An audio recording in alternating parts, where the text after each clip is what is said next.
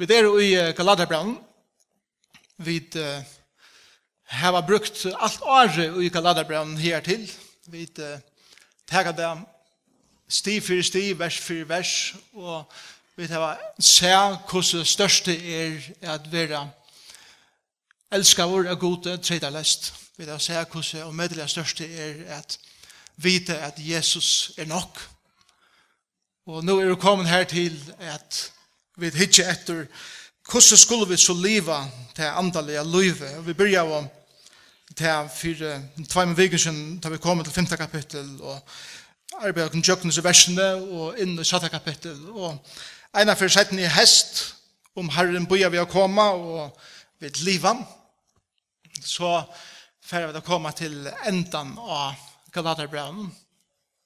Og i griskare mytologi har vi nekva kjente søver. Og Ein er søvann om Narkissos, vekra veiemannen ur Tespai, ur Boetia, i Grikalandet. Mæveren som ble forelskaver i spegelsmynden er altså sjølven.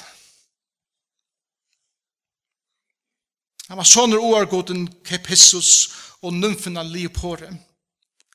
Når Jesus var vui av giten fyrir sin bergtegande vekerleika, angen kom på knøyene av vekerleikan som når Jesus heie. Men eins vui av giten som har vært fyrir sin bergtegande vekerleika, lyka ytla lytter vær han fyrir sin øyande sjålskarleika og stoltleika. Vi lever. Alt som rønte var å gå igjen, nyer gjør det han og spotta i han. Han var den einaste i synen hoa heime, som hei oppebore av vera elskavur og av vera ærdur. Ønsken kunde elska han meir enn han elska Jesus sjolvan. Og ein og som rønte jeg kom hon nær var djupt sardur og kjente seg av trolige misnyttan. Dette var god han ikkje glei fyr. Så, hevndar godinnan nemesis, sette seg fire er gjerne enda av hesson. En dagen, så lokkar hun Narkissos hvis her inn i en sko, og her kommer det fram av et spels stilt og klorst vatten. Og ta og Narkissos ser spelsmidden av seg sjolven i vatten, og er han så bergtidsen det er tog som han ser, han vet ikke at det er han sjolven han ser, at han verer sitande, og stærger nyer ui hetta spels klara vatne og hikker et ser sjølvun. Han sæt her lyka til han døye. Alt som rønde å komme til han og få samfla vi han var bare borstebeint, sært, misnøyt og nyrgjørt. Onkel søkken sier at her som Narkissus døye vaks et blomster, en planta opp. En annen søkken sier at Narkissus som har sett hukte nyer i spegels klare vattnet, enda det vi at han leip nyer i vattnet fyra Jesus til eit vis av myndene som han sa og drukna i. Narkissus er opprunnet dåren om narsissist,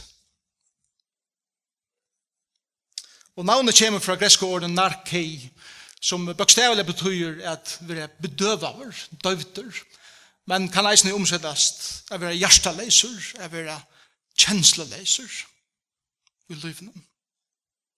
Ein narcissist er ein som er så sjålglæver, så sjålgåver og sjålsøkjen at ungen annar hever nægan tøytning i hans liv enn bæra han sjålver. Han er kjensleis ved sin nasta, han er hjertaleis ved fremmand, og hans samband ved ånder er så mykje svikafullt, tog er at einasta endamålet som han hever vi at heva samfellet vi ånder, er til at de skulle bytje punter sjoldsmyndene som han hever av seg sjolven, og så som han ser seg sjolven og eknare dørt.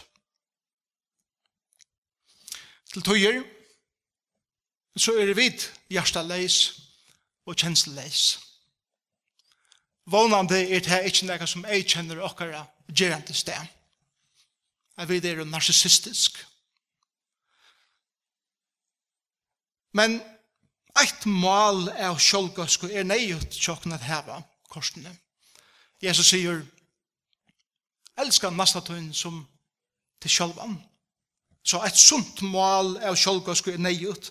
Men han som heldur at kjensleløse og sjølvsøkne vera dikter, og heldur og heldur sjå er så, så mykje gåan og rattvoisan er bæge god og ånder er det her og skyldte honom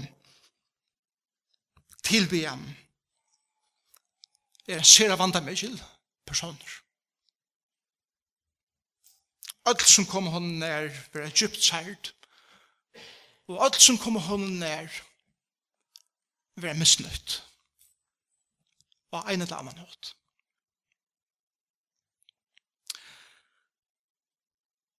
Paulus sier vi okkon i Galaterbrennen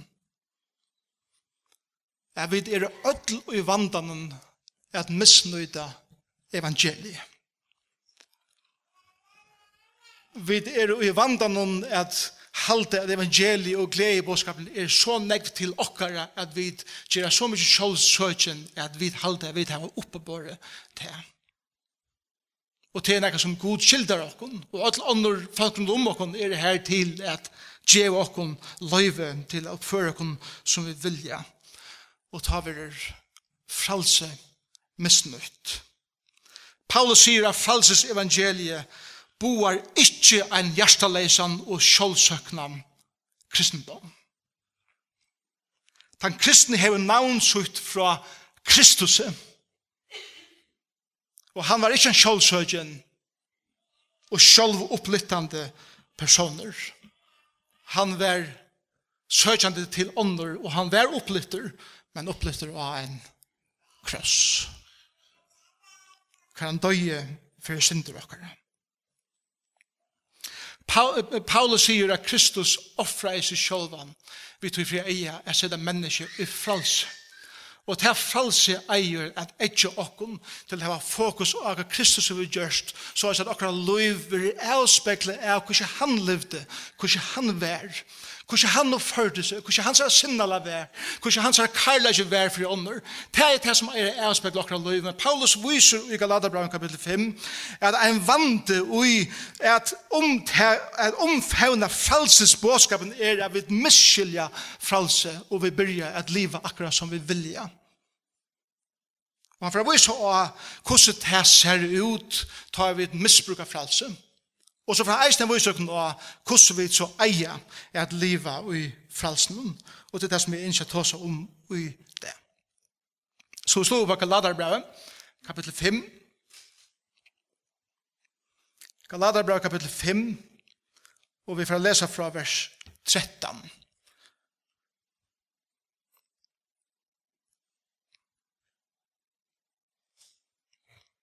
Her sier Paulus så leis, Tid er jo kattleier til fralse, brøver og systrar. Nøyde best ikkje fralse holden til høve. Nei, tæne ui kærleika kvarøren. Tøy öll loven er oppfyllt i ein åre ui hesum. Tøy skal elska nasta tøyn som til sjølven. Men byta og eta tid hver annan, suttje ta til at tid vera ikkje etner opp hver av øren. Jeg sier, livet i andamum, så fullfra tid ikkje gyrnt halsens. Toi holdt gyrnas mot andamum, og anden mot holdnum. Hese standa hvers ørne måte, for at de skulle ikke gjøre som tid vilja. Ja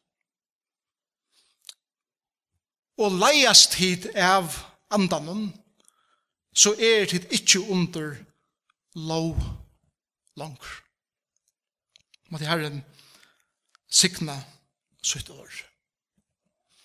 Det som Paulus fyrst gjer, og det som jeg fra vise av fyrst, er hvordan vi kunne misnøyde frelse. Og så er det også om hvordan vi så kunne liva frelse. Frelse og styrke hele andans, som hjelper oss å leve, det kristne livet som vi er kattlet i til at leve.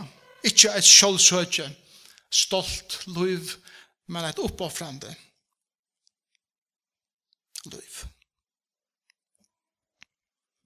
Paulus fra viser av noen dømer. La meg først viser at det første som han sier, og det er i vers 13, Tid er jo kattet til fralsebrøver, og så er det der, nøyde, best ikke fralse holden til fralsebrøver, høve.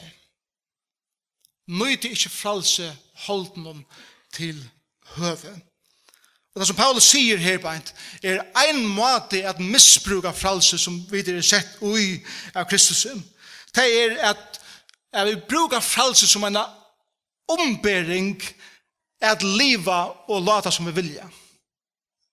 Vi brukar fralse och säga, ja men fralse är så fantastiskt. Jag kan bara göra akkurat som jag vill. Jag kan uppföra mig som jag vill. Jag kan göra akkurat det som jag vill.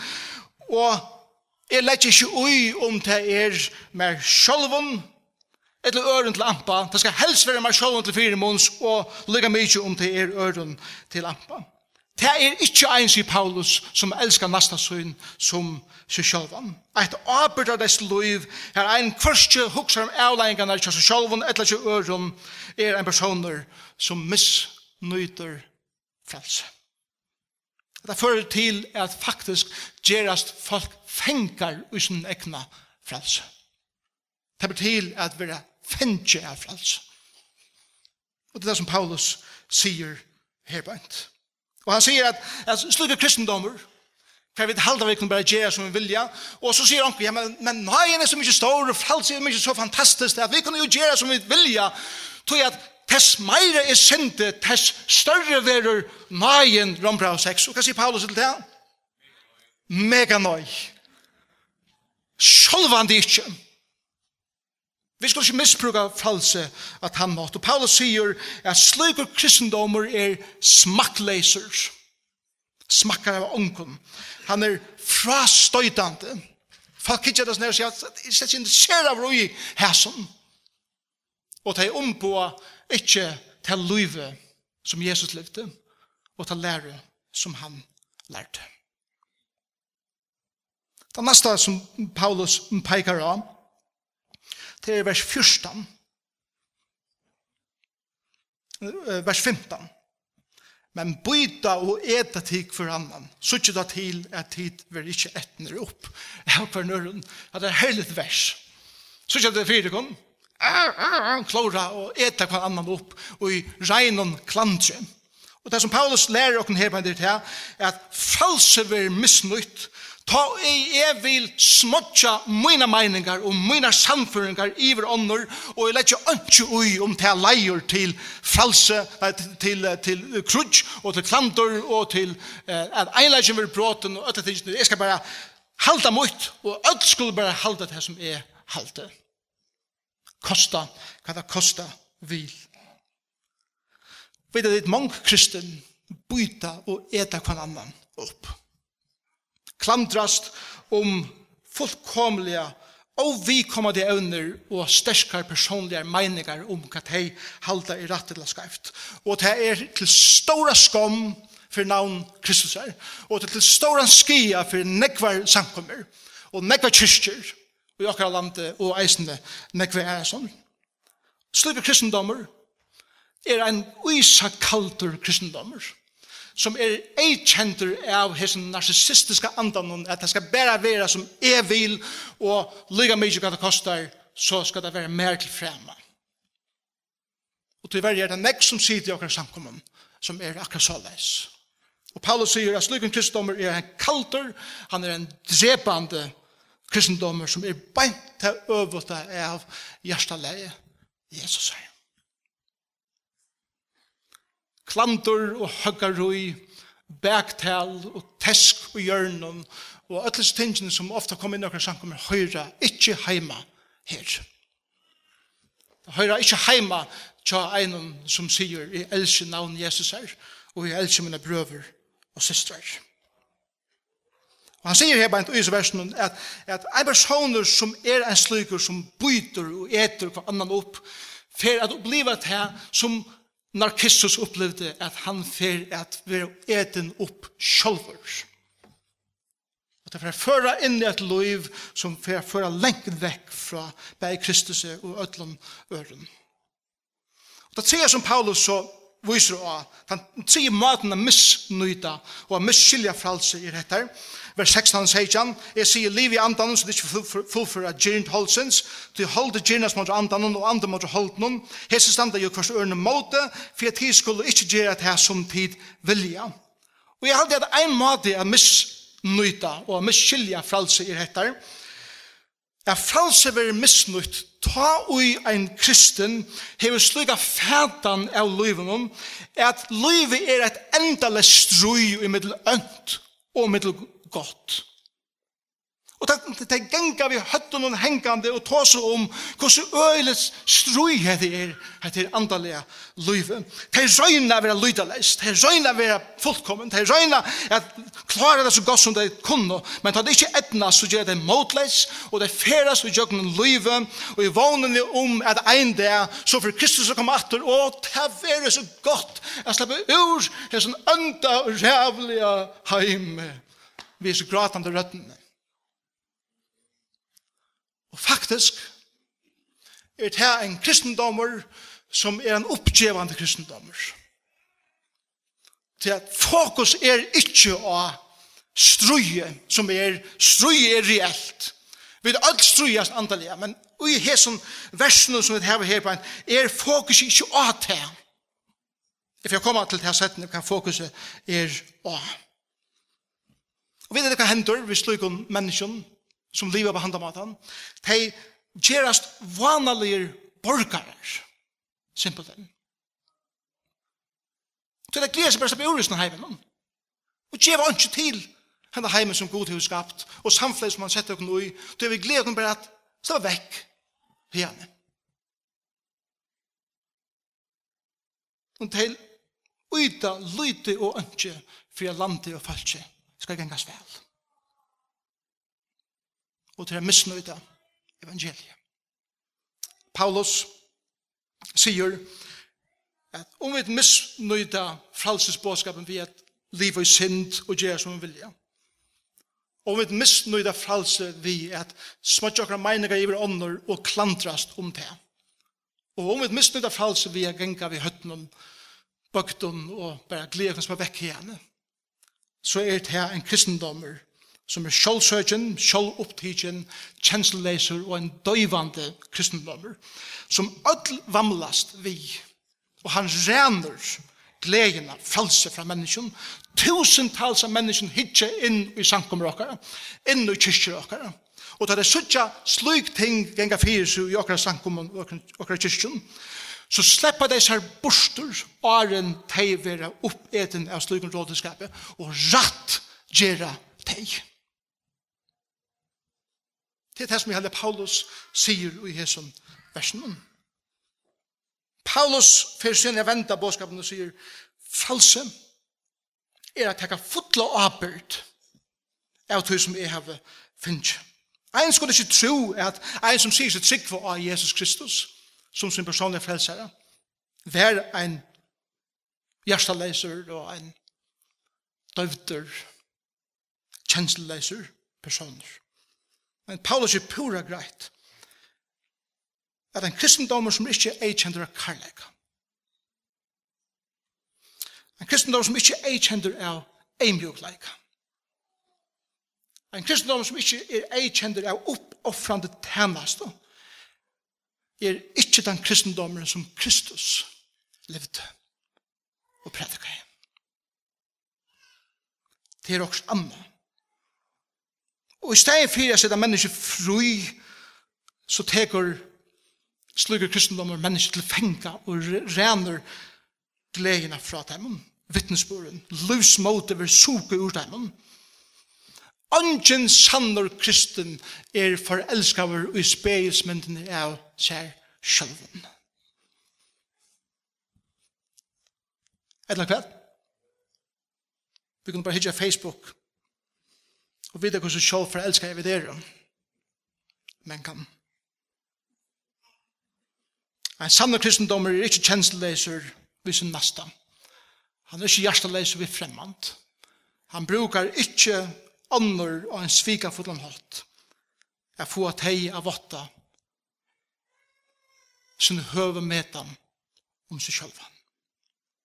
Paulus vender du i fyr, og han sier, tid er å kattle her til fralse. Høyre ditt her. Frals er ikke bare en gava som vi da finner. Frals er ikke bare noe som vi har sett inn i. Frals er ikke bare at her vi har tidsen ur fengehusene som vi har fenga i og sett inn i frelseslandet som Kristus har gjort til reier at dansa vi ser i. Frals er et kall.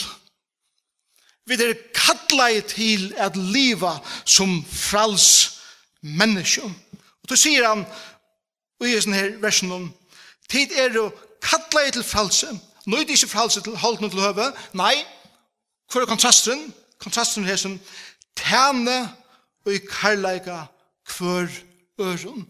Til loven er oppfyllt i hesson, og Jesus sier det selv, hva er det største bøye?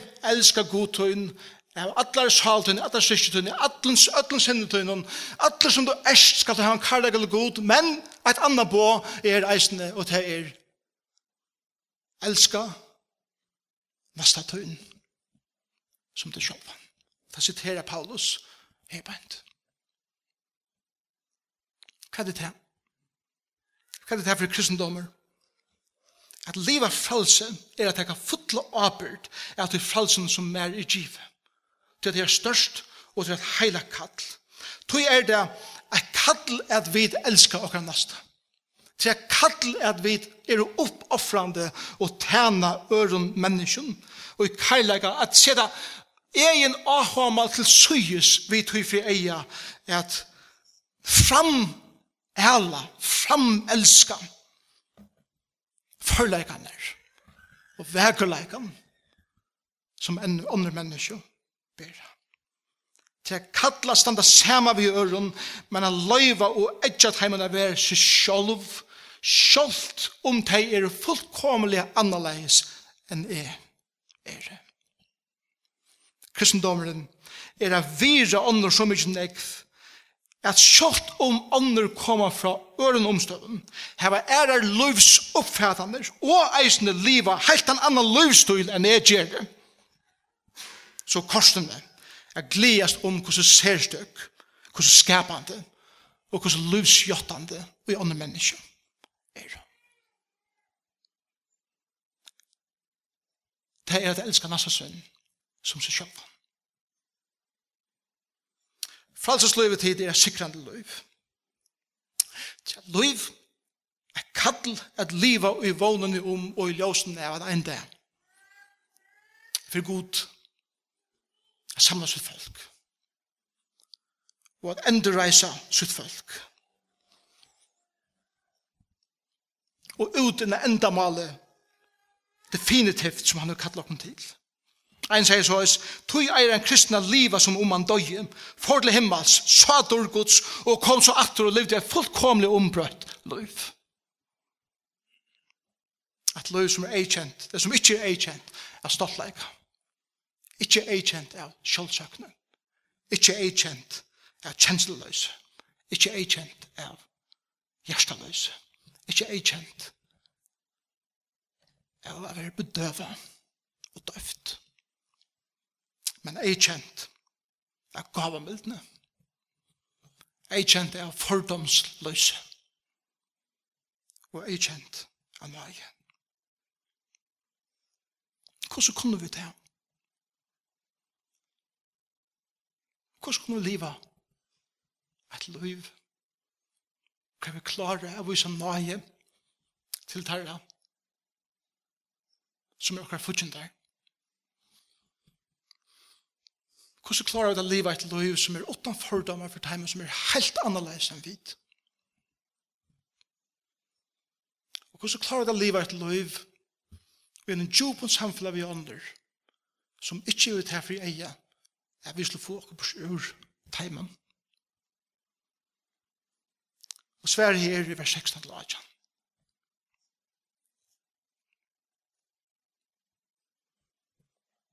Jeg sier, livet og i andan. Så fullfører det til Jim Tarlsons. Og så i vers 16 så teker han henne bardeien som er i middelen holdt og andan, holde gjerne små andan, det er krutje som er her, andan i krutje mot holden, Hesa standa kvars ørne mot, hette tveir imiskir heimar, hette tvei imisk rujtje. Anna er rujtje gods, hitt er rujtje heimsins, og det kunne ikke være saman. Tog er strøy her i middelen. For jeg vil ikke gjøre det som vi vilja. Men så kommer vers 18, og leias tid av andanon, så er det ikke langer under lov. Ja, det er disse versene, lærer dere knettar. Jeg kan lade brevet er sikrande, bjerskikt og nøyerukt evangelium, som viser en kristendom her løyve og i andanen er sterskaste og greiaste vittnesborer tarra som fylltja Kristus etter. Verlig fralsesløyve for en kristnan er kallet at fylltjast vi, det er at genga og i takt vi, andan, og er vera lett av heile andan. Til å skilje at frelseslivet fer ikke sånne styrke at liva innanifra i meg sjølven, men utanifra. Fra gode. Her kommer styrken. For Paulus er ungen annar vevor at liva ta kristna livet enn at genge takt vi og være lettere av heilandan.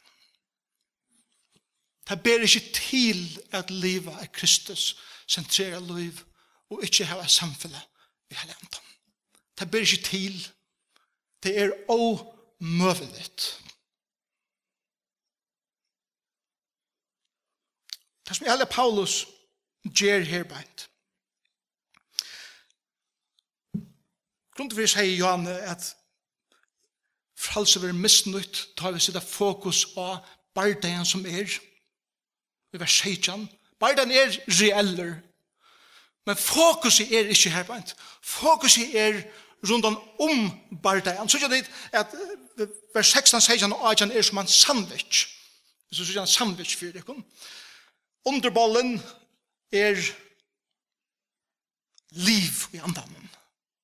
Og så kommer det til strøye, mikse av øtlen som tvattelen som er i middelborgar her.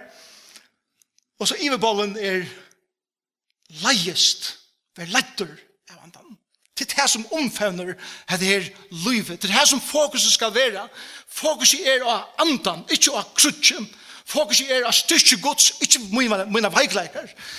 Fokuset er av styrkjena, ikke tepe. Fokuset er av andan som er sikra, og ikke holde som er færande. Fokuset er av en barda som langt er vunnen av Golgata-krossen. Vi er langt her, men to ikke enn Vi hava sikra. Vi standa sikrande. Vi uppliva bardagen. Men vi vita at ein hevur sikra fyrir okkum. Han er Jesus Kristus. Han har givet oss hele andan til å sutja fram til den dagen han kan samla seg folk av nødgjøn. Og vit eia tøy er ferast sikrande i tjøkken hendan heimen. Vi pjøs ikke av hengande i høtt. Vi kunne litta okkar høtten opp og hitja folk i egene til å hava en båskap som er en sikrande båskaper. Lyga mykje for omstøy ut hava løyven, lyga mykje hvordan harsht det kan være, eller hvordan latt det kan være, så er fokus jo av at jeg gengi i takt vi heile andan, og han er han som leier med i jøkkenen løyve. Jeg Genga i takt vi. Da jeg leser det verset nu, korsen av det, så, så kommer jeg bare, så kommer jeg mynden til min, Hva er det at gengu takt vi, eller genga ui heile andan? Det er året sier at liv i andan, bøkstavlige stender genje i andan, har samme gongele som han. Jeg minnes fyrt heva smadranker, og det var kævi ute. Det er okkur tid av Gjørsta Eisen som bøten, at pa gikk framanfyrir, og så rønte jeg trakk og i spårene som han sette i kævan. Hadde prøvd det, vi tekker frelsen. Tro på det, at han, at hans spår var så stor, i mån til mine, at ofta så måtte jeg leipa for at nå er iver i hans herre fotospors. Og så miste jeg balansen ved kvørst, og så, så, så datt det.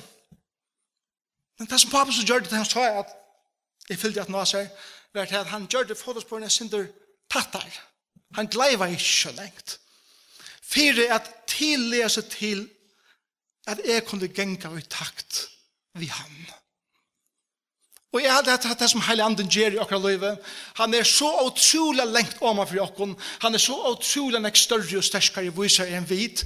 Men da han ser at Jesus er baden gonger at han av her, så sier han, jeg vet at du er ikke før for jeg fæter alt enn. Jeg vet at du klarer ikke alle avbjørnene enn. Men jeg skal genga såleis at vi kunne genga i takt sammen. Det er en vøger mynd av hvordan heilig anden leier okken. Vi kan ikke takt vi han, men han hikker etter okken som einstaklingar og liar røndunar, lusefæringarnar og alle ting som vi kommer ut for i løvnen etter hvordan vi klarer å bære det. Er det vi? Det er vøker mindre av hva det er å genga og i andan. Det har hjulpet okken, det gjør oss styrke til at vi er som bardeien, som er en verlig bardeien. Men så sier han i vers 8, og leia seg av andan, så er det ikke under lov langer. Det var andre menn som jeg eh, fikk. Jeg vokste opp i Kvalpa som smaldranger. Jeg minnes en vestre eiendom, det, det må så være det sunnare eie her som skolen er. Da det kommer vestre eie i Kvalpa, så er, bant og andre kommer ut av etkina, så er et hål nere ui. Og det er, gyring, er gyringar fire, og man kan klare ikke en gang at klatre på meg og sånne. Det er vært seg sted av smadrung, det er nekst stortligere fyrir. Og jeg minnes at mamba, eller mamba som var en jekvann, Hver vi var for vestra eie, eh, var bleka løy rundt ting, bostur sårnega, så ville de alltid slippe suttja ned i hålene. Så jeg må stå her og ta var beint nyer. Og jeg minnes hvordan mamba tog hånden av meg og helt fast. Han lette meg. Og som han helt fast i munnen i hånden, så gikk han framfyrir Og levde bare å komme så mye nær at jeg sa nere i. Men samtidig følte jeg hvordan hans hånd var klar av lofta. Eller at jeg kan meg atter hvis jeg kom for lengt ut. Han var sterskere enn jeg. Han var vysere enn jeg. Han kjente mer til avleggingene av at dette nere i hålet enn jeg gjør det han var minnes kjolsøkjene ned til, han var ikke interessert hittjen i hålet som var henne, men han var hittjen etter mer. Og da vi ventet oss, så tok han fast i hånden av meg og lette meg etter til bilen. Så sier hele anden, i akkurat løp i eisen. Han leier åkken. Han veit hva vi vil fære, han veit hva vi han hangkonger. Han veit hvordan lengt han vil løyve åkken, og når vi kan fære vågjere. Han veit, han hikker etter, og han værer åkken, tog at han vi leia okkom den veien og vit skulle genka. At det andre er livet. Tog skal fokus ikke være av barda igjen. Tog skal fokus ikke være av hvordan tungt det mengen er en kristen. Men fokus skal være av hva hele anden gjør i min liv. At han hever sikra. At han hever atlan kapasitet og styrke til å leie meg i kjøkkenen, hva det som skal være.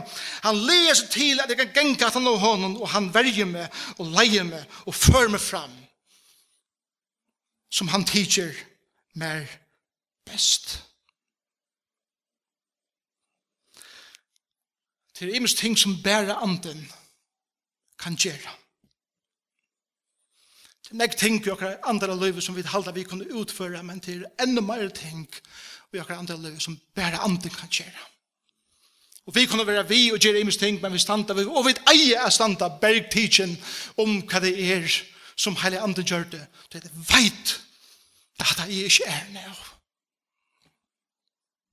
Det er ting som bare andre kan gjøre ut i kristne livene.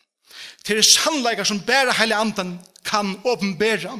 Vi kunne utleggja skriftene som nek som vi vilja, og det kan bliva en torr og onsam bok for jokken, men utan heile anden gjer hesa bokina livande for jokken. Vakna nek. Og fyrir at vi er møylig for jokken liva etter året, og at gagnuita det i okkara livet. Bæra heile anden kan gjera det, og åpenbæra sannleikane som er og i hesne årene.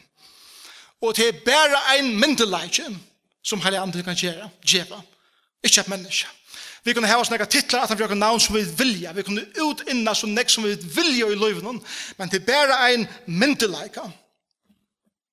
Utstraling som hele andre kan gjøre en mann eller en kvinne som lever sitt liv som Kristus, som hever en slik slagkraft inn i løyvene til øre mennesken, at folk sier, hatta er meir enn to.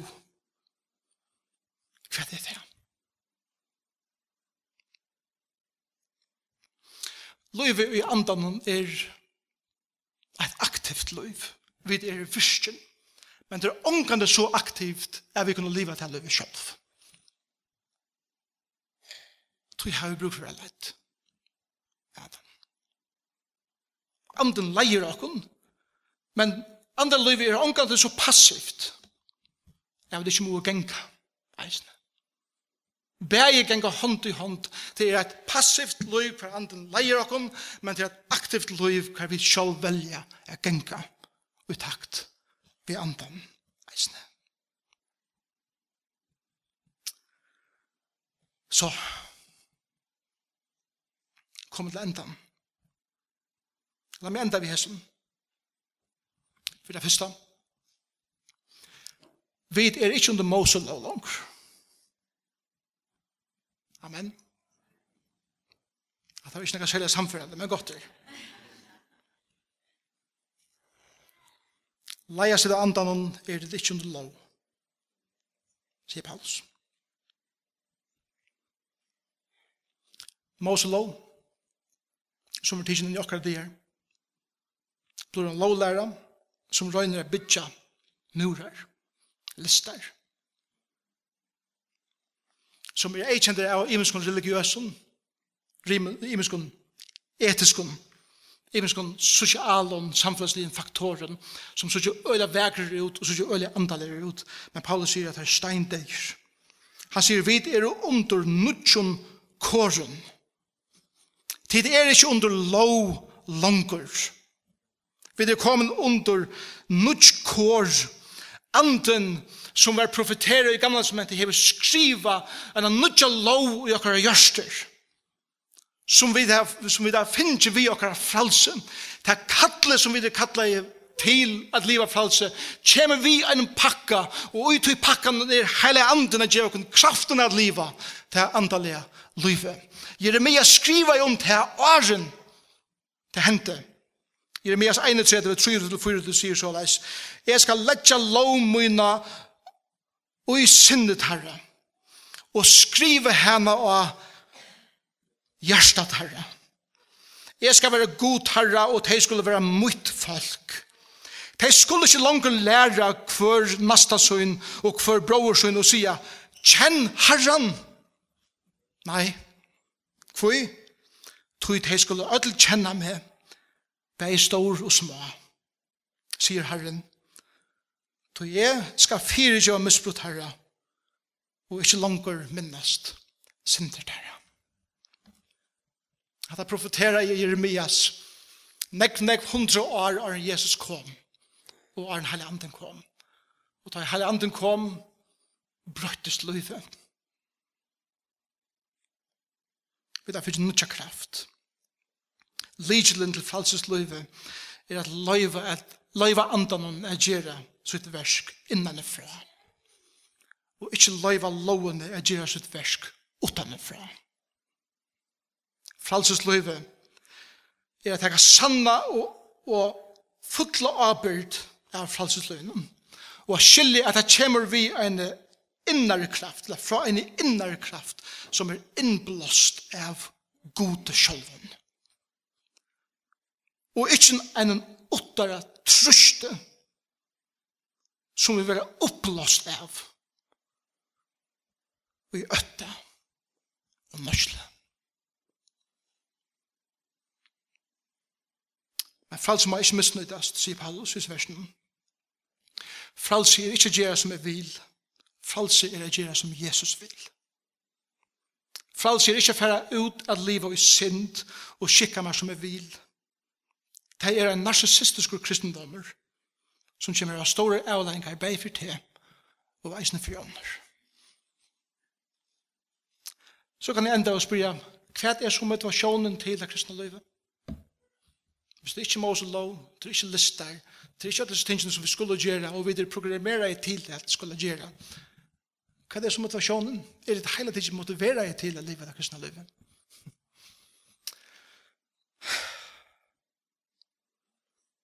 Jeg halte motivasjon til det kristne livet i kærleik.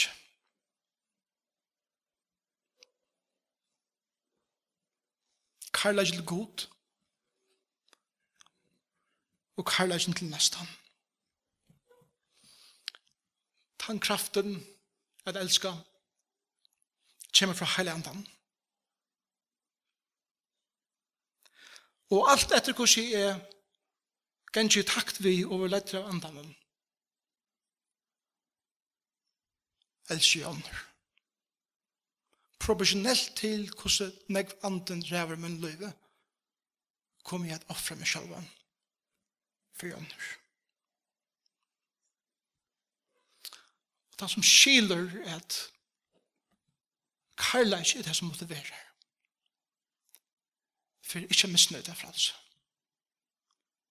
Men han vil at jeg kan fotle og av frelsen. Og livet et aberdarfullt kristne liv.